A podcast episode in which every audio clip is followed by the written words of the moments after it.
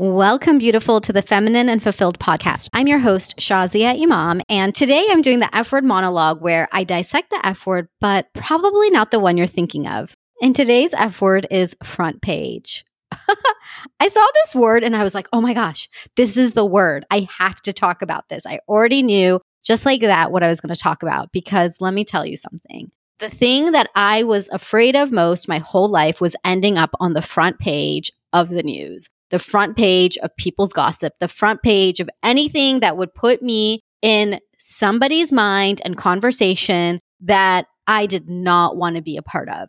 I used to be so private, so private. I can't even tell you. It was so much to the point where I would have friends who would be like, Shazia, you have to say a little bit more when somebody says, How are you?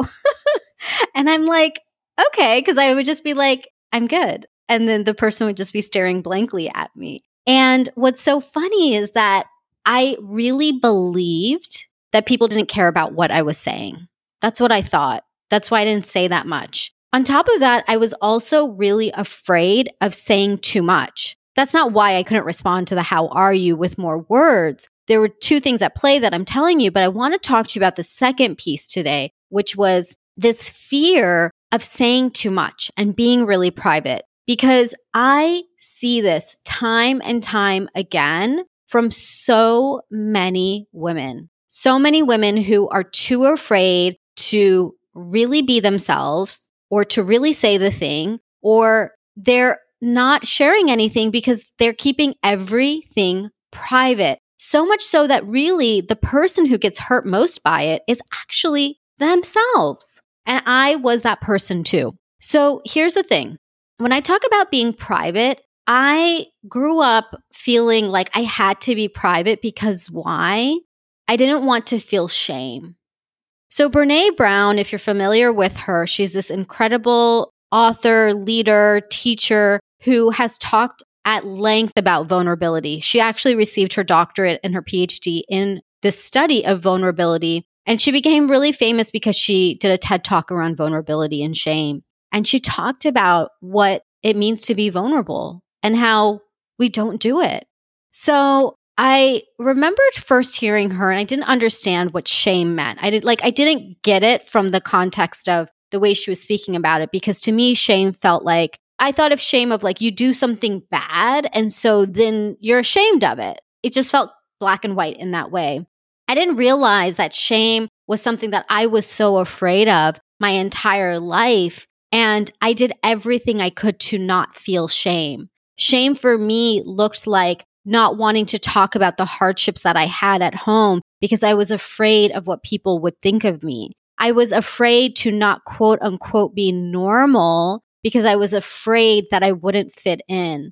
I wanted so badly to be normal and to be accepted and to be just somebody who kind of fell under the radar and there was nothing too much about me. And yet, there was a part of me that totally wanted to be out there and wanted actually to be on the front page. Isn't that ironic? Isn't that really interesting? And I didn't realize that latter part until I started connecting the dots because I had spent so much of my life trying so hard to fit in. And when you're trying to fit in, then you are just going to follow the crowd. And anything that falls outside of that norm is not okay. And especially for me, growing up in an Indian family and a Muslim family, it was really, I don't even know the right word. I don't even know the right word. It was really hard to live with the expectations that the community had set. And so in our community, there was an expectation of you have a two parent household and a nice home and you know your parents are doing great and they get along and they're wonderful. They have good jobs or your father has a good job. You live in a nice house. You go to a good school. You get good grades. You know you check off all of these boxes. And i'm not even getting to my adult life yet. I'm just talking about as a child. And so if any part doesn't follow this norm it feels really really isolating and so I remember there was a period of time that my mom was not well and I had gone to a dinner party. I think I was at a dinner party or I may have been at the mosque. And this auntie had come up to me and she said, I must have been, I think, 10 years old, 12 years old. She comes up to me and she's like, Wow, your mom can't even iron your clothes. And she looked at, I was wearing the shalwar kameez, which is the outfit that Indian women wear, which is the pants and then the long tunic type shirt with a dupatta, which is like a long scarf that you like wrap around your neck. And I just remember her coming up to me and saying this, and I felt so ashamed. I didn't know the word for it then. It felt really flush. I felt embarrassed. I felt like, wow, why does that even matter? Like, why does it matter if my clothes are ironed? And that level of judgment that would come from the aunties when it wasn't picture perfect, it leaves an impact. And so for me, I feel like because I didn't come from a picture perfect household, I didn't have everything picture perfect. It felt like I don't want to say it was a black sheep, but I was pretty dark brown. Let's just say that, like a dark brown sheep. And whether others thought that of me or not, that's the belief I had because I didn't feel like I fit in. And so I set out in my life to be super hyper normal, not just normal, but hyper normal. And when I say hyper normal, I wanted to succeed. I wanted to like almost tell that auntie, like, F you, like, I made it, you know? there was like this energy within me that wanted to be like, I never want somebody to ever tell me like my clothes aren't ironed because I'm going to have the finest of things and I'm going to have that family and I'm going to have all of the house and the things and all of the stuff to say, I made it. And so I spent a lot of my life like I kept checking off the boxes. I went to a really good school and I got a really good job. And then I thought I would get married to a really good South Asian guy, a good Desi guy. And I kept thinking I was going to check off these boxes. And if you've been with me, beautiful, for long enough, you know my story. You know what happened. You know that I tried to curate this perfect life down to the perfect zip code. I knew exactly where I wanted to live, where I wanted to buy my house. And what happened is everything fell apart. I thought I was getting one thing after another after another. I was getting there and I was going to be, I was going to hit the pinnacle of like the white picket fence life. And then everything shattered. I lost my son. My marriage fell apart. I never ended up living in that zip code. And I found myself completely alone. So here I am starting over. And I'm not going to spend a lot of time on my story because you probably know the story already. And if you're new, welcome. I would highly recommend you go back and you listen to episode zero zero. I go into my full story. So because I'm really focusing on being on the front page today, I want to tell you, I want to bring this back into how this relates.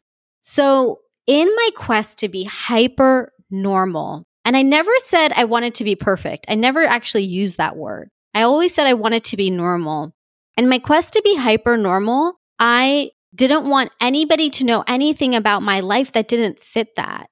So, when things were falling apart in my marriage, I didn't want anybody to know that. In fact, I did this really beautiful email just this past week where I showed a before picture of when I was going through everything in my marriage and an after picture of my life now. And you can literally see the difference. You can see the difference between who I was when I was trying to hide everything and who I am today, where, by the way, I don't hide anything at all. We're going to get to that. So if you're not on my email list and you're like, hey, Shazi, I want to see those pictures, get on my email list. It's like my most exclusive place to stay in touch with me. And you can get on my email list and get a free gift by going to thelifeengineer.com slash calendar. You'll get a free gift from me there and you'll get on my email list. Okay. So in my quest to be hyper normal and hiding everything, I just didn't ever like to share a lot about myself. So there was the worthiness piece I talked about earlier where I thought People probably don't care about what I have to say. But it was this other piece that I keep coming back to of, well, if they knew all of me, then maybe they wouldn't love me. Maybe if somebody actually knew who I am, they would know that I'm not lovable. That's the deep story that I felt and I didn't even realize. And so I tried to build love through the things around me. And it wasn't like a conscious thing. I mean, you could have asked me at that time, like, Shazia, do you think love comes from like having the good things in life, you know, or like the things, quote unquote? And I would have said, no, of course not.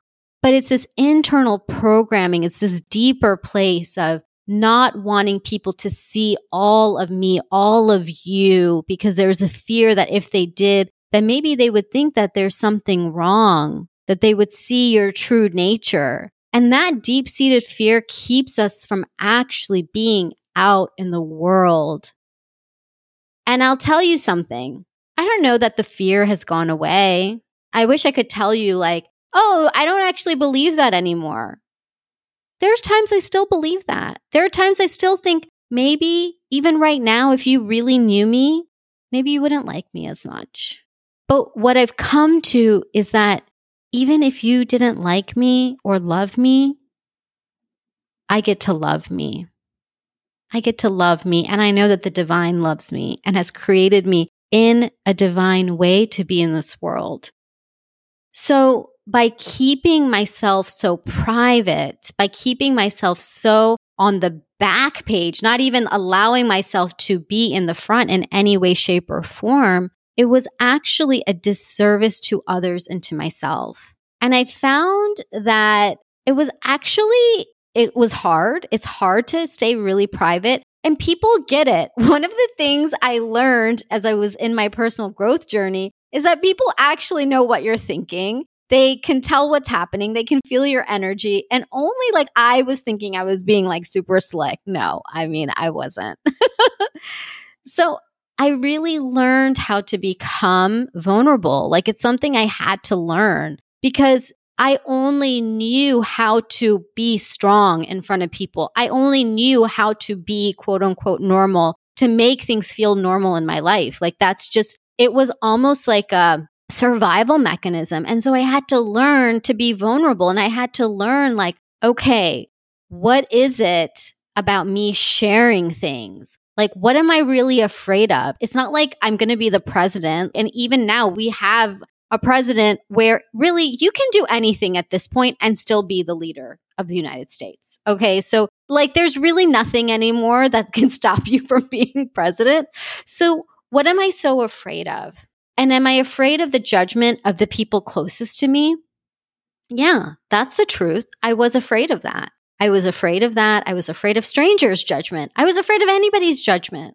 So, when I realized that, okay, the being private game is not working anymore. And it's like, I can't even do it. Like when my life got to the point of like, I can't even hide it anymore. I tried to hide my divorce for so long. I hid living out of my car for so long. I hid so many things from so many people for so long that at some point it was like, okay, I can't do this anymore. Like I just can't pretend anymore. And who is it that I'm trying to protect? Because it would be like, I'm trying to protect my parents, or I'm trying to protect my in laws at the time, or I'm, you know, I'm trying to protect the community from like falling apart. And you know what? Everybody survived. Everybody is fine. And everybody's on their own journey. Yes. Did people cry? Was it hard? Did people, were they negatively impacted? Yes. But not because it's my fault, not because I'm responsible, but because they're on their own journey. And so it was honestly a letting go of the control, a letting go of having to control the narrative, the story, what people think of me, when at the end of the day, I don't control anything. I don't control like even one thing. Okay, that's not true. I can control myself, my perception, how I'm showing up. And so here I am. I'm like, okay, well, everybody's got to know, like, I'm single. I can't, like, now I can't pretend that I'm in a relationship. I can't pretend anymore. And so it became like this slow process for me. I'm not going to say overnight. I was like, hello, everyone. Welcome to Feminine and Fulfilled. No, no, no. It took some time. But here's the thing I took one step at a time. So I decided to start coaching that started with training. I didn't even know if I wanted to be a coach. People had just told me to be a coach. So I started there. I started with training. I remember my first weekend of training, I just thought, oh my gosh, how can I even tell my friends that I'm here? Because that even felt weird. It felt weird to be a coach. It felt weird to be in a room full of other people who wanted to be coaches. It felt weird because it was just totally different from the norm, quote unquote. And so I found myself sharing a little bit, sharing a little bit. Okay, I finished the training. Okay, now I'm coaching, getting a client, sharing a little bit, starting an email newsletter, sharing a bit more, sharing, sharing, sharing. And I started noticing that the more I shared, the more people were sharing back with me and saying, Oh my gosh, I really resonate with what you said. I really feel connected to that. And I started to notice, like, wow, people are experiencing the same thing. And I knew that because I'd always been a good listener. I'd always been able to have intimate conversations with people. I just didn't like to be out in the forefront. But I noticed that now people I'd never even met or didn't even know were now saying, Oh my God, like I really connect to what you're saying. And I noticed that my impact was starting to grow. And truth be told, like that feels really good to be making an impact. It feels really good. And so I kept going and opening up more and more. And I just, at some point, I don't know, like I don't think I hide anything now. I probably still do, maybe, but I feel like unless it's specific to a person that I want to respect their privacy, I share everything. Like right now, you guys, my armpits smell really, really bad. I think I forgot to put on deodorant this morning. So I'm like, ew. I'm even like, that's gross. So I would probably even tell a stranger that. I know it's TMI, but I noticed I have really rich conversations now, even with strangers. It's really fun. So let me get back from digressing about my sweaty armpits. You're probably like, Shazia, seriously? Like either you're laughing right now or saying, Shazia, that is so gross. so just bringing it back, what I want to say is that the more open I became, the deeper the connections became. And of course, you might be thinking, like, well, Shazia, you're a life coach and you're a podcast host, and this is the work that you do. Of course, you have to put yourself out there. And here's what I want to say to that I don't think it matters your industry. I don't think it matters what you do. What matters is creating and developing and having these deeper, richer connections. And these are not going to happen when you are staying guarded and staying private. So, for example, I had a friend who was going through a really, really, really tough time in her life, and she was just too afraid to share with anyone. That's a familiar story. And so she was doing the same thing, showing up, trying to pull it together, except everybody knew. Everybody knew like something was happening. And she just didn't want anyone to know. And I'm like, okay, well, what if you just got support on something, like on one thing? What if you just let people know, for example, you're moving and you need help with moving? What would that be like? And she just felt like, no, I don't want to tell people because I have to tell them this and that. And then it was like this exhausting story. And I couldn't even judge. Not that I should ever judge, but I really couldn't judge because I'm like, gosh, that was me. I mean, it's an exhausting story. And so, whether it's something really big you're going through or something even really small, I've had friends who are sick and then they just never tell anyone. And then we find out, we're like, why didn't you say something? And it's just, it's fascinating to me how we are so private about things for ourselves. And yet for others, we'd want to know, we'd want to support, we'd want to be there. I just, I don't understand anymore, to be honest, because I'm on the other side. And I, I have found that there's a freedom to be on the other side. There's a freedom to be on the front page because you know what? Everybody knows now. And it is so liberating. It's so liberating to not have to try so hard. It's so liberating to not have to fake it it's so liberating to just be able to breathe. And I really have rich, deep relationships now. And I've noticed that the relationships that want to stay in a place that are based around fakeness, they just haven't lasted. They have not lasted. And I'm okay with that. I would rather be in deep, meaningful relationships with people than to have a ton of fake friendships. So the last thing that I want to share about being on the front page is that I realize I quite like being on center stage. Yes, I do have a podcast and I do like talking and being on the stage. So I'm not going to shy away from that. And here's the funny truth is so many other women feel like this too. So you might have an inkling where you also like to have something to share, whether you want to be in the front or the side or the back, it doesn't matter. There's a place that you want to be seen. I know it. I know it. And so you get to claim that space. And because basically there's like nothing bad now, like I feel like there's nothing in the world now that's bad, you're going to be just fine.